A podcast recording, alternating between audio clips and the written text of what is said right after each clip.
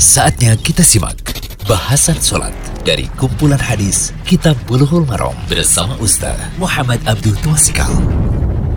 Bismillahirrahmanirrahim. Assalamualaikum warahmatullahi wabarakatuh. Alhamdulillah, salatu wassalamu ala rasulillah wa ala alihi wa man tabi'ahum bi ihsan ila yaumiddin. Allahumma anfa'na bima 'allamtana wa alimna ma yanfa'una wa zidna ilma. Segala puji kita panjatkan pada Allah, selawat serta salam semoga tercurah pada Nabi kita Muhammad sallallahu alaihi wasallam. Kali ini kita masuk di audio ke-146 dari pembahasan kitab Bulughul Maram karya Imam Ibnu Hajar Al-Asqalani masih dalam pembahasan kitab salat bab sujud sahwi wa ghairuhu min sujud tilawati wa syukri.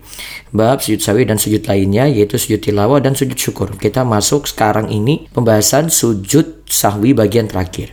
Di audio 146 ini kita bahas hadis 338 dari kitab Bulughul Maram atau hadis ke-9 dari pembahasan bab ini. An Thawbana radhiyallahu anhu an Nabi sallallahu alaihi wasallam qol likulli sahwin sajadatani ba'dama yusallimu Ruwa Abu Dawud wa Ibnu Majah bisa nadin dhaifin. Dari Sauban radhiyallahu anhu Nabi sallallahu alaihi wasallam bersabda, setiap lupa dalam salat itu diganti dengan sujud sahwi setelah salam itu dua kali sujud ya. Dua kali sujud setelah salam. Diriwayatkan oleh Abu Dawud dan Ibnu Majah dengan sanad yang dhaif. Hadis ini juga dikatakan oleh Syekh Abdul Fauzan. Sanad hadis ini dhaif. Kesimpulannya ringkas untuk hadis ini. Yang pertama hadis ini menjadi dalil bahwa sujud sawi itu berbilang dengan berbilangnya lupa di dalam sholat. Setiap sahwu setiap lupa atau kekeliruan ada dua kali sujud untuk sujud sahwi namun hadis ini ingat dhaif.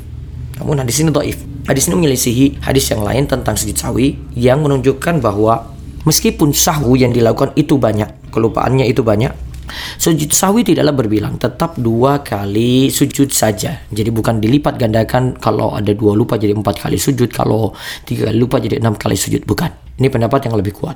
Kemudian, ini tentang masalah sujud sawi setelah salam ataukah sebelum salam. Karena hadis ini menyinggungnya. Ada ulama yang berpandangan bahwa sujud sawi itu sudah salam. Ada juga yang berpendapat bahwa sujud sawi itu sebelum salam. Seperti dalam madhab syafi'i. Dan ada yang memberikan rincian sesudah ataukah sebelum salam.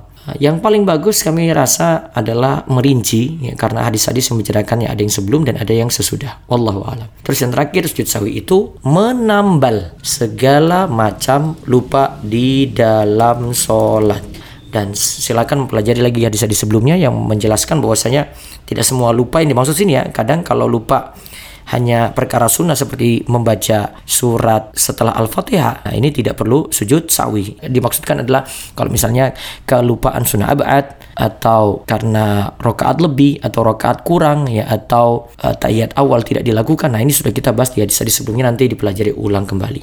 Semoga jadi ilmu yang manfaat. Allah ibarik Demikian bahasan sholat dari kumpulan hadis Kitab Bulughul Maram bersama Ustaz Muhammad Abdul Tuasikal.